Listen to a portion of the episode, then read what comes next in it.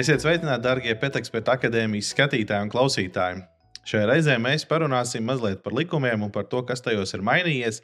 Un īpaši uzmanību pievērsīsim tieši suņu saimniekiem un par to, kas ir mainījies likumos saistībā ar šo suņu reģistrēšanu un čipošanu. Un šajā reizē pie manas studijā šeit ir veterinārā ārste un veterinārās klīnikas Hīrons vadītāja Līta Konopora. Sveicināti! Sveiki. Jautājums tātad numur viens. Nu, 2022. gadā, 4. janvārī, ir stājušies spēkā jaunie šie grozījumi veterināru medicīnas likumā. Jautājums, kas ir, te, kas ir šīs galvenās izmaiņas? Un, uh, lai kliedētu arī mazliet šīs iedzīvotāju bažas, varbūt var paskaidrot, kāpēc tieši reģistrāciju šobrīd veiks veterinārā ārsti.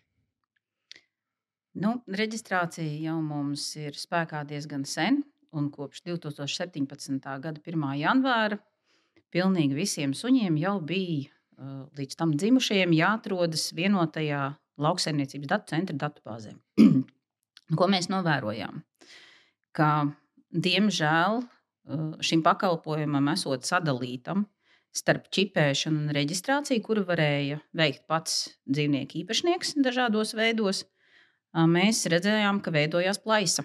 Proti, mēs šos dzīvniekus mikročipējam, ievadam viņiem mikročips, ierakstam viņus pasē, bet dzīvnieku īpašnieks pats šo dzīvnieku nepiereģistrē. Un tā problēma ir tā, ka mēs, kā veterinārārsti, nespējam atšķirt um, pēc sejām tos dzīvnieku īpašniekus, kuri aizies un godprātīgi pieregistrēs savu dzīvnieku, un nespējam atšķirt no tiem, kas to neizdarīs. Un līdz ar to saimnieks pieņēma kārtību, ka šis ir absolūti nedalāms pakalpojums. Proti, jebkuram kucēnam, tad, kad cilvēks viņu pērk, jau ir jābūt ar mikročipu, ar Eiropas Savienības pasi, vienota parauga, un jābūt vienotajā LDC reģistrā. Tātad pirmais, kas jums ir jāprasa kucēna dāvinātajam pārdevējam, vai Jā, viņš ir LDC vienotajā datubāzē reģistrēts. Vai viņš ir izpildījis teikt, Jā, viņš ir izpildījis šos pienākumus. Ja viņš nav, aiciniet viņu izpildīt. Jo tādi attaisnojumi, kā uh, tad jums būs dārgāk, par cik mhm. būs dārgāk. Jo arī tad, ja viņš to nebūs izpildījis, jums tāpatās par to būs jāmaksā. Bet jūs sakat, lai ir dārgāk, bet izpildam šos likumus, un jūs man viņu pārdodat jau ar visu šo pasīti, ar visu kopā. Jā, es piemaksāšu, cik tas maksā? 50, 60. Kāda jums ir starpība, kur jūs maksājat? Bet tieksimies uz to likuma paklausīgumu. Mm -hmm. nu, respektīvi, bet kā, kāpēc un vispār kādos gadījumos mums ir jāreģistrē šis te, uh, jaunais maidzīvnieks un arī kaut kāda izņēmuma, kas pastāv šajā? Pilnīgi nekāda izņēmuma nav. Ir jāreģistrē pilnīgi visi suņi. Neatkarīgi no viņu etniskās izcelsmes, no viņu rases, neatkarīgi no šķirnības vai mhm. bezšķirnības, eh, no teritoriālās piedarības, no vecuma. Nekas uh, nav šķērslis, lai reģistrētu un mikročipētu šo suni. Mm -hmm. Bet, uh, respektīvi, ja mēs skatāmies arī uz tādiem dzīvniekiem, kas ir nu, teikt, auguši kaut kur vecmāmiņai uh, aiz, aiz, aiz, aiz klēts, uh, tad tādas mēs arī, kuriem pat ja mēs atrodam, gribam paņemt pie sevis, mēs obligāti ejam, ņemam, čipojam, izpildām šo procesu pie veterinārā ārsta tā, kā tas pienākās. Viennozīmīgi. Ja kāds dzīvnieks līdz šim nav reģistrēts, tad jo ātrāk to izdara, jo labāk. Mm -hmm. nu, respektīvi, labi runājot tālāk, kā šī nereģistrētā dzīvnieka saimniekam mainā, mainās šī dzīve un šī pakalpojuma saņemšana pie veterinārā ārsta. Jā. Un, Respektīvi, jo, jo tagad arī veterinārā ārsta visu to čipo, bet, ja mēs tagad aizvedam suni pie veterinārā ārsta, kā tas ietekmē, varētu ietekmēt šo pakalpojumu saņemšanu? Pēc būtības tas pakalpojumu saņemšanu vienkāršo, jo dzīvnieku īpašniekam vairāk nekas nav jādara, lai viņš šo dzīvnieku reģistrētu. Visu šo pakalpojumu viņš saņem pie veterinārā ārsta. Tā skaitā veterinārārsts arī maksā lauksaimniecības datu centrē paredzētos šos reģistrācijas maksājumus, kas ir 7 eiro saskaņā ar valsts noteikto centrādi. Vienīgā atšķirība ir tā, ka nāk apmēram 5 eiro klāt par veterinārā ārsta pakalpojumu. Šajā pakalpojumā tātad ietilpst visa šī dzīvnieka ievada reģistrā un arī šīs bankas pārskaitījuma veikšana šī īpašnieka vietā. Līdz 1. jūlijam tā ir katras klīnikas noteiktā tirgus cena, bet es saku, viņa ir diezgan, diezgan līdzīga, varēja kaut kāda 5-6 eiro robežās. Un ir sagaidāms, ka pēc vienotā cenrāža spēkā stāšanās, kas būs no 1. jūlija, šobrīd tiek saskaņota cena, kas varētu būt 5,50 par pakalpojumu. Tas ir vienreiz suņa mūžā. Mm -hmm. Un man kā dzīvnieku īpašniekam nevar sanākt kaut kāds nepatikšanas, ja es tagad atvedu suni kaut vai nezinu, augustā, tagad pēkšņi uz kaut kādām pārbaudēm vai pēc vajadzības, un tagad vetārs man saka, ej, draugs, mīļais, es tev nevaru apkalpot, jo tur neesi čipots vai, vai kā citādi. Par šo ir bijušas daudz un dažādas diskusijas, un ir bijuši arī cilvēki, kas uzskata, ka veterinārā ārstam vajadzētu atteikties apkalpot nereģistrētus dzīvniekus. Vienīgais gadījums, kad mēs varam atteikties sniegt pakalpojumu nereģistrētam dzīvniekam, tā ir uh, dzīvnieku vakcinācijas veikšana. Jo, piemēram, mēs nedrīkstam izdarīt, tas ir saskaņā ar 576. 213. gada regulu, kur ir skaidri un nepārprotami pateikts, ka dzīvnieku pasē jeb kādus izrakstus, es atvainojos, kādus ierakstus izdarīt ir aizliegts, pirms mēs pārbaudām šī dzīvnieka identifikāciju. Un cēloniskās sakrībās mēs skatāmies, vai viņš ir reģistrēts, Un tad mēs varam atteikties izdarīt šo ierakstu pasē, ja viņš neizpildīs likumus. Ja, ja tas skar neatliekamu palīdzību, veterinārā medicīniskā palīdzību kā tādu, visu slimību gadījumā, uh, nē, mēs neatteiksimies sniegt šo pakalpojumu. Nekādā gadījumā, ja tas dzīvnieks nebūs reģistrēts, viņam nav jācieš tāpēc, ka viņa dzīvnieka īpašnieks ir bijis bezatbildīgs. Mm -hmm. Bet tas jau neizstāsta iespēju, ka jebkurā gadījumā tajā brīdī, nu, es atvedu, man viņš vēl tagad nav bijis čipots, vai varbūt es nezināju, nu, lai gan nezināšana, protams, neatbrīvo no atbildības, bet arī veikto čipošanu tajā reizē. Uh, viss ir atkarīgs protams, no situācijas. Ja tā ir trauma, mēs droši vien tajā dienā neapvienosim visus šos procesus. Mm -hmm. Mēs vienkārši informēsim par to, ka tas dzīvnieks nav reģistrēts. Bet, jebkurā brīdī, kad jūs konstatējat, ka tas dzīvnieks nav reģistrēts, to vai citu iemeslu dēļ, tas vienkārši ir jāizdara. Mm -hmm. Bet uh, kā ir ar īpašumtiesībām šajā brīdī? Nu, ja es, piemēram, atvedu suni, viņš nav čipots, tad kā es varu pierādīt, ka tas tiešām ir mans suns un, piemēram, viņu tagad nočipot, ja tā teiksim, ir bijusi regulārā pārbaude? Vai veterinārā ārsts nevar man atņemt šo dzīvnieku tajā brīdī? Um, ja veterinārā ārstam radīsies kaut kādas aizdomas par kaut kādām pretiesiskām darbībām, par kaut kādu zādzību, piemēram, ja, uh, Tad eh, veterinārā ārstam pašam, protams, nav tiesības uh, aizturēt, nu, arī tur mesties tulciņā, nekā citādi. uh, bet viņš pilnīgi noteikti var par šo gadījumu paziņot valsts policijai, un valsts policija varētu vai nu ierasties uzreiz, uh, vai arī valsts policija varētu ierasties pēc tam pie šīs personas, ja būs teiksim, tādas indikācijas. Bet Ko es gribētu pateikt par lauksaimniecības datu centru? Vajag saprast to, ka tas nav vienīgais uh, īpašumtiesības pierādošais uh, dokuments. Un pēc būtības attiecībā uz uh, suņiem un dzīvniekiem vispār nav tāda kaut kāda konkrēta kritērija, kas atbilstu civilu likuma tādai izpratnē. Uh, ka, nu, kā, piemēram, ar automašīnām, ja viņš tev ir mhm. reģistrēts TSDD, šasīs numuru iekšā, tad tas īpašums vai, teiksim, valsts zemes grāmatā, mm -hmm. ja iekšā īpašums nekustamais. Uh, LDC nav pielīdzināms tam. Tātad, ja, ja sāk pastāvēt strīds par kādu dzīvnieku, kurš tur pirmais pieregistrēja, kurš kuram nozaga, nenozaga, tad šādus uh, strīdus lemj Latvijas tiesa, un kura vērtē visu uh, apstākļu kopumu. Tā skaitā iespējams pat ģimenes albumus, ar kuriem jūs pierādat, ka tas dzīvnieks ir mm -hmm. bijis jums. Jo es, piemēram, zinu vienu tādu gadījumu, kur cilvēks labticīgi bija iegādājies suni ar pirkšanas pārdošanas līgumu no audzētāja šķirnes suni ar visu pasi. Uh, suns bija arī mikročipēts, un cilvēks bija pilnīgi pārliecināts, ka uh, ar šo dokumentu kopumu nopērkot suni, suns pieder viņam, tā skaitā viņš ir reģistrēts šajā vienotajā datu bāzē. Un suns viņam aizmuka, un tad, kad viņš viņu atrada, viņš bija jau reģistrēts uz citu cilvēku. Jo atradējs pārbaudīja, ka šis suns nav reģistrā. Aizgāja, pateica vienā veterinārijā klīnikā, ka tas ir viņa suns, ka viņam vienkārši ir pazuduši dokumenti. Uh, bija uztaisījis šos dokumentus uz mikročipa nolasīšanas pamatu un ātri un žigli pieregistrējuši šo sunu uz, uz, uz sevi.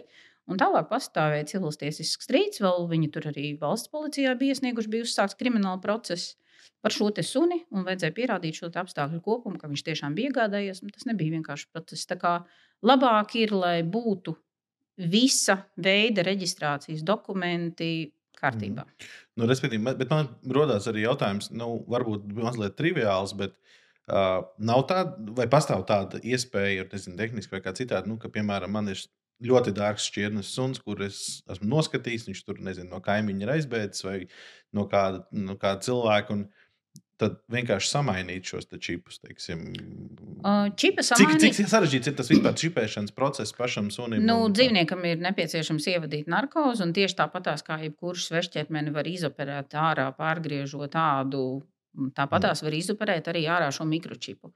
Bet es nezinu, kam būtu jānotiek, lai veterinārārs to darītu. Es pieļauju domu, ka Varbūt, ir kaut kur pasaules uh, uzvarētāji, pasaules izstāžu uzvarētāji, kurus šādā veidā varētu kāds izdomāt uh, zakt. Bet uh, noteikti tas nav stāsts par Latviju. Es nezinu, nevienu gadījumu, mm. kad mhm. kaut kas tāds būtu darīts. Es zinu gan gadījumus, kur, piemēram, vīrs ar sievu um, iegādājas kopīgu sunu un tālāk strīdos aiziet tik tālu, ka viņi, viņi zina, ka ir kreisajā pusē mikročips un viņam ir pase un viņš ir reģistrēts LDC ar kreiso mikročipu kad otra mm, laulātā pāra puse aiziet un pasakā, ka kreisajā pusē ir bijis ļoti nopietna trauma un lūdzu, lai sačipē labajā pusē. Un aiziet un reģistrē lauksaimniecības datu centrā labās puses mikročipu. Mm. Un rezultātā, um, nu, varētu teikt, tā suns pieder domājamās daļās vīram un sievam. Un kā viņi atrisināja to strīdu, tiesā es nezinu. Okay. Nu, respektīvi, visas tādā gadījumā strīdi par īpašumu, tas viss norisinās Jā. tikai un vienīgi caur tiesu. Nav tā teikt, pirkšanas pārdošanas līgums tā īsti var būt. Uh, Patiesībā pēc civila likuma īpašuma tiesības apliecina nu, teiksim, darījums, uh mhm. -huh. kas var būt arī mutisks darījums. Protams, jā. Tā kā, jā tad, nu, tieši tāpēc tā ir tiesa un zemes grāmatā arī saka, Uh, jā, kāpēc mēs nevaram tā kā suņu zemes grāmatā, bet zemes grāmatā jau neieraksta vienkārši kaut kāda tante Anna. Mm -hmm. Tur jau uh, tiesnesis spriež tiesu, un notārs nu, apliecina, tā. un tad viņš tikai izdara šo ierakstu zemes grāmatā. Mm. Labi, bet šie paši grozījumi ir skāruši arī patvērsmi darbu, un te publiskajā telpā mēs dzirdam, ka ir. Uh, patvērsmes, kas ceļ trausmu un saka, ka tas ir brutāli nežēlīgi pret viņiem, ka viņiem tagad ir jāčipē uh, suņi un par viņu to visu uzturēšanu tādā ziņā jārūpējās. Varbūt šeit var paskaidrot, ko nozīmē šie grozījumi un ko man kā cilvēkam parastajam, kurš aizies uz patvērsmi, varbūt meklēs savu suni vai plānos ņemt jaunu, ko man sagaidīt un ko man prasīt no šīs patvērsmes. Nu, pirmkārt, ir jāsaprot to, ka uh, lielāko daļu visu patvērsmju darbu attiecībā vismaz uz pirmajām 14 dienām, kad dzīvnieks tiek atrasts, maksā pašvaldība. Tas ir noteikts uh, likumā, ka, ka, patvērs, ka patvērsmi uzturēt ir, ir pienākums, vai arī noslēgt līgumu ar patvērsmi ir pienākums pašvaldībai. Un uh, vismaz attiecībā uz Rīgu un ne tikai Rīgu, es zinu, ka pašvaldības maksā arī šo mikročipēšanu, jo tas ir jautājums par arī pašvaldības finanšu plūsmas izsakojamību. Ja šie suņi netiek mikročipēti un netiek reģistrēti LDC, tad uh, mēs, protams, nevaram, suns. mēs nevaram to apgalvot, bet vienu un to pašu uh, suni var iekļaut vairākos rēķinos, dažādās pašvaldībās mm -hmm. un tā tālāk. Pašvaldības šo ir uh, sapratušas. Un, uh, viņas bija viens no pirmajiem, kas inicēja šos grozījumus, ka patvērsmē nonākušam sunim 72 stundu laikā ir jābūt ievadītam mikročipam, ja viņš līdz tam nav bijis mhm. apzīmēts, mm -hmm. un reģistrētam uz patvērsmes vārda. Tādā brīdī, kad atnāk dzīvnieka īpašnieks pēc, pēc šī suņa, un viņš var pierādīt, vai ir dzīvnieka pasi vai ar tām pašām fotografijām. Galu galā neaizmirsīsim, ka nu, lielākais pierādījums, vai tas suns pieder viņam, ir paša dzīvnieka reakcija uz šo. Tā kā man mhm. citreiz saka, kā tu pierādīsi? Es saku, nu, pagaidiet, nu, beidziet, nu, ielaidiet cilvēkā, cilvēk, cilvēkus piecus telpā un palaidiet suni. Nu, kādi vēl var mhm. būt jautājumi, kurš ir viņa īpašnieks? Suns to parādīs. Ja? Uh, un īstenībā šie grozījumi ļoti, ļoti būtiski, jo agrāk bija tā, ka cilvēks atnāca pakaļ savam sunim, viņš teica, negribu un nečipēju. Mm -hmm. uh, viņš teica, mans ņemu projām uz redzēšanos. Un faktiski, kas nonāk? Mēs kā nodokļu maksātāji maksājam vienreiz par šādu suņu uzturēšanu, Un nākamreiz mēs atkal maksājam par viņu uzturēšanu, jo saimnieki jau viņam atrast nevar. Viņš jau nav vienotajā -hmm. reģistrā. Tad šie suņi atgriezīsies ļoti, ļoti ātri atpakaļ. Uh, Līta, un tad jautājums, labi, suņus mēs reģistrējam. Kā ir ar kaķiem? Uh, kaķu reģistrācija šobrīd Latvijā nav obligāta. Bet es gribētu teikt, tā, ka pilnīgi visiem kaķu īpašniekiem, kuri laiž savus kaķus ārā, es ļoti, ļoti rekomendētu arī kaķus mikročipēt un ievadīt LDC reģistrā. Jo faktiski tas šobrīd ir vienīgais veids, kā viņiem atrast saimnieku. Jo šobrīd ir pateikts, ja tu laidi kaķi ārā, viņu ir jākastrē. -hmm. uh, viņam ir jābūt vakcinācijai pret rakumsērgu, un viņam ir jābūt apzīmētam. Un tur nav pateikts, kā viņam jābūt apzīmētam. Kakla siksniņā ar manu vārdu un telefonu numuru nedara. Um, jārēķinās ar to, ka kakla siksniņu kaķiem uzkarināt kaklā, ejot ārā, staigāt pa zariem, visai riskanti. Jo tāds mm -hmm. kaķis var ar stingru siksniņu vienkārši pakārties. Un savukārt, ja siksniņa būs elastīga, tad uh, pie pirmā zara aizķeroties, viņš no viņas izslīdēs ārā un apzīmējums viņam būs tieši uz vienu dienu. Mm -hmm. Protams, jūs tur varat, nezinu, tetovēt viņam rozīti uz pleca, jūs varat viņam lakot nagus, uh, bet uh, tāds apzīmējums ir nepamanāms. Tā kā es noteikti ieteiktu. Mm -hmm. Kāds labums uh, dod suņa uh, īpašniekam tas, ka viņa suns ir nočipots, pieregistrēts, viss ir izdarīts pēc normatīvu aktu labākā regulējuma?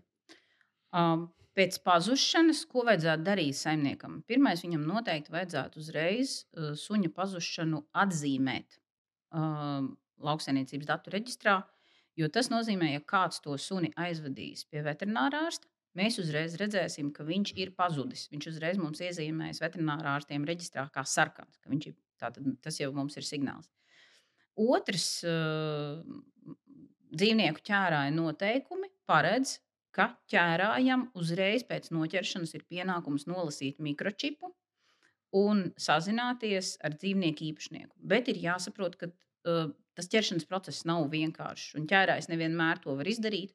Tāpēc mēs saprotam, ka tā īstā vieta, kur nolast to mikročipu, tā ir patvērsme. Un jaunie patvērsmes noteikumi šobrīd paredz to, ka patvērsmē ir pienākums stundas laikā ziņot dzīvnieku īpašniekam, ka viņa suns ir nonācis patvērsmē. Tātad tas nozīmē maksimāli ātru atgriešanos atpakaļ pie saimnieka. Ja saimnieks 24 stundu laikā neatbrauc pakaļ savam mīļdzīvniekam, tad patvērsmes veterinārārstam ir pienākums uh, pieregistrēt lauksaimniecības datu centra datubāzē, ka tas dzīvnieks atrodas pie viņiem. Nu, un tālāk, jau, protams, ja tas dzīvnieks vispār viņam pakaļ nenāk, tad faktiski pēc 14 dienām jau um, parādās tāda situācija, ka to dzīvnieku var arī sākt sagatavot adopcijai. Mm. Tieši tas man arī bija jautājums, kas notiek tajā brīdī, ja cilvēks uh, pasakā, man tas suns ir apnicis, jūs viņus atraduši, lai viņš paliek pie jums, nezinu, atdodiet citam saimniekam.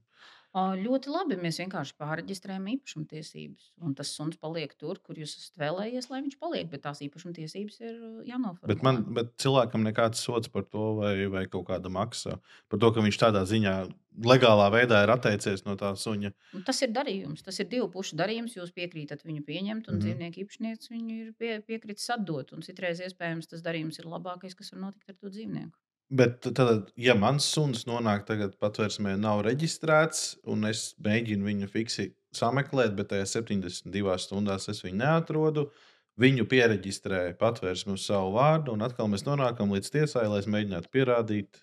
Um, nu, protams, ja patvērsme, saka, iecirtīsies, iedomāsies, ka viņa šo suni grib paturēt, tad pirmais, pie kā jums būtu jāvēršās pie attiecīgās pašvaldības, kā pakalpojumu sniedzēji, jo nekādā gadījumā patvērsmē nav tiesības pretiesiski aizturēt jūsu suni arī pie šādas situācijas. Jo tā apzīmēšana, reģistrēšana ir domāta tikai tāpēc, lai būtu šī te, uh, plūsmas izsakojamība, nevis tāpēc, lai piesavinātos suņus. Ja? Uh, jūsu gadījumā, tā kā jūs stāstat, jūs atpazīstat savu suni, jums ir pierādījums, un atpazīst jūs. Uh, Jūs vienkārši sadat šos izdevumus, kas ir saistīti ar dzīvnieku saķeršanu, sagūstīšanu, ievietošanu pastversmē, atkarībā no tā, cik dienas viņš ir uzturējies. Protams, jūs samaksājat arī šīs apzīmēšanas un reģistrācijas mm -hmm. samaksu. Un laimīgi dodaties mājās ar apņemšanos vairāk tā nekad neļaut plēņot. Nu, zibens, pērkons, salūti un daudz šīs lietas laukos suņi mēdz aizbēgt. Ja mans suns ir pie ķēdes, norāvies no ķēdes, klīst pa ielu, viņu sasaitē, aizved uz patvērsmi. Vai vienalga tagad cilvēkiem, kas dzīvo laukos, viņi teiks, bet mans suns ir pie ķēdes, kāpēc man viņu čipot, ko šādiem cilvēkiem darīt un teikt, kā jūs argumentējat? Pirmkārt, gribētu aicināt visus censties maksimāli neturēt suņus pie ķēdēm, izveidot viņiem voljērus vai kā citādi par viņiem parūpēties. Jo nu, tomēr ķēdes tas ir tāds atavisms, tā, tā nav cieņpilna attieksme. Bet es zinu, ka uh, lauka teritorijās, protams, joprojām tā ir normāla turēšana. Un Mhm. arī Latvijas likumdošana to atļauj, tāpēc pārmest par to, ka dzīvnieki tiek turēti ķēdēs, nebūtu īsti vietā. Um, jā, protams, viņam liekas, ka tas nav tā jādara, bet tas ir tā jādara. Jā, nu, kāpēc man maksāt nodevu, kāpēc man viņu čipot, ja viņš tāpat dzīvo manā un apkārt man līdz tuvākajiem kaimiņiem, 3 km? Nu, piemēram, nu, tā tīri. Nu, mēs jau varam izdomāt visu kaut ko. Nu, kāpēc cilvēkam pasi vai to vai citu? Nu, Jā, viņš dzīvo laukos, vienkārši jā. tas ir likums. Mēs uh, taču nesakām, kāpēc es tur nedrīkstu, nezinu, dzīt kanģu viņu tirgot. Nu, likums neļauj to un viss. Mhm. Tā kā tie, tie nav argumenti. Un, uh, nu, diemžēl arī tie suņi no tām ķēdēm mēdz norauties, un mēdz klaiņot, un mēdz radīt uh, problēmas apkārtējiem. Viņi mēdz noplēst dzīvniekus. Un tieši tāpēc valstiski pareiza stratēģija ir visus dzīvniekus uzskaitīt un uh, atbildību prasīt no dzīvnieku īpašniekiem. Un, protams, ka apzīmēšana un reģistrācija ir viens no veidiem, kā šo atbildību pierādīt un pieprasīt. Mhm. Par pašu čipēšanu. Mēs drusku jau parunājām jau par tām izmaksām un kas, kas par to, kurā brīdī jāmaksā. Bet eh, jautājums, cik bieži man teiks, pats šis čips jāpārbauda, ja mans suns ir pieregistrēts, sačipots, cik bieži man viņam jāveic tā teikt, tā tehniskā kaut kāda pārbauda. Un, un noteikti daudz šajā brīdī eh, daudziem ir jautājums, vai tas nekaitē manam sunim kaut kādu svešķermeni viņā ievadot ikdienas lietošanā. Ā, Protams, kā jebkurš cits ā, svešķermenis, ā, mikročips var izraisīt kaut kādu lokālu iekaisumu, bet tie lokāli iekaisumi mēdz būt ļoti, ļoti reti. Un folijas apurītais staigāt nevajadzētu, no tās mikroshēmas nav jābaidās. Ā, Tehnisko stāvokli nekādā veidā nav jāpārbauda. Ā, Viņu pārbauda veterinārā ārsts lielākoties pie ā, vakcinācijas veikšanas, bet viņš var pārbaudīt mikročipu jebkurā citā brīdī. Tiesa, diemžēl, tiek konstatēti fakti, kad mikroshēmas beidz, beidz darboties. Tā tieši tāpat kā jebkura mikroshēma mm. -hmm. var beigt darboties, arī, diemžēl, šī var beigt darboties. Uh, tad tiek implantēts jauns mikročips. Un atkal viss tas maksāšanas process no jauna ir, jeb tas atkal atkarīgs no veterinārā. Uh, viss ir atkarīgs no, no situācijas, un es parasti aicinu, ja es konstatēju kādu citu kolēģi, teiksim, mikročipu, ja viņš ir pārstājis darboties, tad es informēju kolēģi, kā tas ir noticis. Un attiecībā uz, uz saviem klientiem mēs otru mikročipu ievadām bez maksas. Mhm. Nu, uh, faktiski tāds noslēguma jautājums par šo lietu. Kas tad ir tās lietas, kas tagad suņa saimniekam, esošajam vai topošajam jāņem vērā? Kas ir tie soļi, kas viņam ir galvenie jāspēr, lai sakārtotu visu juridiski pareizi, lai suns būtu pieregistrēts, sačipots un tā tālāk? Tātad pirmais, ko cilvēks var izdarīt, viņš var ieiet uh, www.ldc.gov.lv un atrast sadaļā reģistri meklētāju. Tajā meklētājā, ja viņam suns ir mikročipēts, viņš var ievadīt iekšā šo mikročipa numuru un pārliecināties, vai viņa suns ir vai nav šajā LDC datubāzē. Jo diezgan bieži cilvēki ir pārliecināti, ka dzīvnieks tur atrodas, bet viņš tur nav, kā es stāstīju par to iepriekšējo gadījumu. Ja? Mhm. Uh, tas ir pirmais, tātad pārliecināties. Ja nav, tad dodamies pie veterinārā ārsta, un jebkurš veterinārā ārsts izskaidros to visu kārtību, kas ir jāievēro. Uh, savukārt, ja suns ir reģistrēts, bet viņš, teiksim, ir bijuši vairāk darījumi ar viņu, jūs tur neatceraties, kā jūs viņu īsti nopirkāt vai ko, jūs varat autorizējoties caur Latviju LV, ieiet savā profilā, apskatīties sadaļu mani dzīvnieki, un tur redzēsiet visas ziņas par jums piedarošiem dzīvniekiem. Gadās arī tādas situācijas, ka šīs kucēns ir nopirkts, viss ciltsraksts, viss ir kārtībā, viss ir it kā šķietami uz cilvēku, bet reģistrācija ir palikusi vēl uz kucēnu pārdevēja. Ja? Tad ir Mhm. nepieciešama pārreģistrācija. Un pārreģistrācija ir tāds process, kas ir jāsaprot. Jūs nevarat atnākt pie veterinārsta un pateikt, es teiksim, nopirku kucēnu, pārreģistrējiet uz vi- viņu uz mani. Jūs taču nevarat pateikt, es paņēmu no Jāņa mašīnu, pārreģistrējiet. Mm -hmm. Tā jūs varat nu, Nu, daudz izdarīt, jā. mašīnas izdarīt. Ja? Mhm. Tā tad ar pārreģistrācijas lūgumu pie veterinārā ārsta ir jāvēršas uh, tam, uz kura vārda lauksaimniecības datu centrā tas dzīvnieks pieder. Mhm. Bet pārreģistrāciju var veikt arī pats īpašnieks. Tur ir kā div, divu komponentu tas process. Tātad īpašnieks, kurš ir reģistrēts LDC, viņš piesaka caur Latviju LV, ka viņš vēlas atsavināt sev piedarošo suni. Un tad, kad viņš šo procedūru ir pabeidzis, tad ir otrā daļa, otrais komponents. Cilvēks, kuram tas suns tiek pār, piedāvāts, pārdots, viņam LDC ir jāapstiprina, ka viņš šo darījumu pieņem. Un kas ir vēl ļoti pozitīvs lauksaimniecības datu centra datubāzē, un ko diemžēl nu, pārlieku šobrīd nedara, tur ir notikuma ziņošana. Tur var ziņot gan par kastrāciju, ja ir pazudis dzīvnieks, var ziņot dažādi notikumu veidi. Un, ja dzīvnieks uh, nomirst, tad arī par viņu pats īpašnieks var paziņot, ka tas ir noticis. Arī nav jādodas pie veterinārārsta. Tas viss ir darāms gan pie veterinārārsta, gan cilvēks var pats izdarīt. Mhm. Labi, Līta, saka paldies par uh, sarunu. Es ceru, ka jums, dārgie skatītāji un klausītāji, šī informācija bija noderīga, un jūs arī savus mīl mīluļus tagad spēsiet pareizi pieregistrēt, nebaidīsieties viņus rādīt arī savam veterinārārstam. Un, ja jums ir kādi jautājumi par šo tēmu vai par citām, droši zem šī video apakšā jūs varat uh, tos ierakstīt. Un uh, atgādinu, ka pie mums ciemos bija Līta Konopora, kas ir veterinārārste. Un, uh, Ja jums šis raidījums patika, mēs priecāsimies, ja jūs to novērtēsiet ar rīkšķīti un dalīsieties ar to. Kā arī jūs varat droši mūs klausīties gan YouTube, Facebook, Instagram un arī Spotify platformās. Visu labu!